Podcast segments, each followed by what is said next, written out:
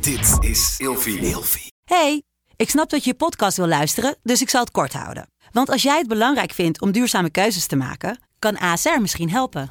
Nou hoor ik je denken, hoe dan?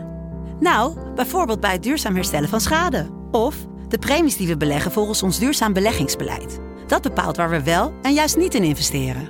Wil je meer weten over welke duurzame keuzes ASR maakt? Ga dan naar asr.nl slash duurzame keuzes. ASR doet het. Zo, dan kan je nu lekker naar je podcast luisteren. Eindeloos aan het woelen en draaien in de nacht en hou je je partner wakker? Het kan zomaar zijn dat je toe bent aan een nieuw bed.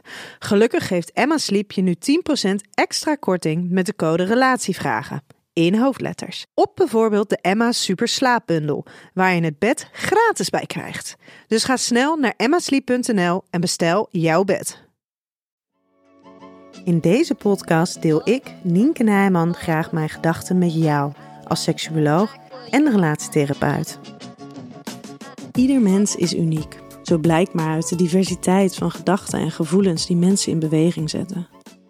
Daarom is het ook zo belangrijk om nooit van tevoren al een oordeel te vellen over iemand. Maar naast dat unieke aspect zijn we toch ook gewoon allemaal mensen die naar dezelfde gewoonte bewegen of dezelfde valkuilen hebben. Zo lijkt het soms alsof je met iedereen eenzelfde gesprek voert in de therapieruimte.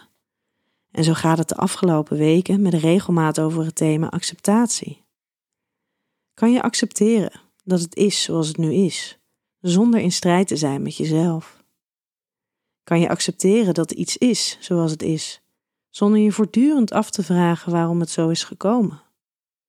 En kan je iets accepteren zonder jezelf of de ander telkens van alles te verwijten over wat je anders had kunnen doen? En accepteren dat iets is zoals het is, betekent ook niet dat het altijd zo zal blijven. Het betekent alleen dat je het voor nu kan accepteren zoals dat het is, om vervolgens in gesprek te gaan om te kijken wat er anders kan. En dat betekent niet dat het zo blijft, of dat je er blij mee moet zijn, maar het heeft geen enkele toegevoegde waarde om ermee in strijd te zijn. Het is namelijk zoals dat het is. Punt. En dat is soms rot, maar onvermijdelijk. Zolang je het namelijk niet accepteert, maar in strijd blijft met de situatie, met jezelf, kan je niet groeien. De strijd met jezelf win je namelijk niet.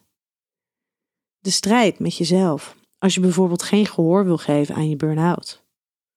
Je moet dan rust nemen en grenzen stellen. En juist dit zijn vaak de valkuilen van mensen die in een burn-out geraken.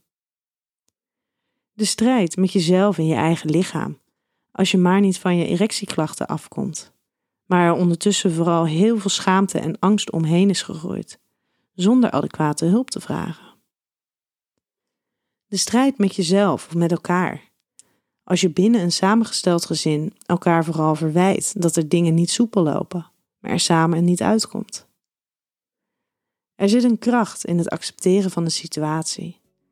Niet om je er vervolgens in te berusten, maar om de zinloze strijd op te geven en de kracht te vinden voor herstel en groei.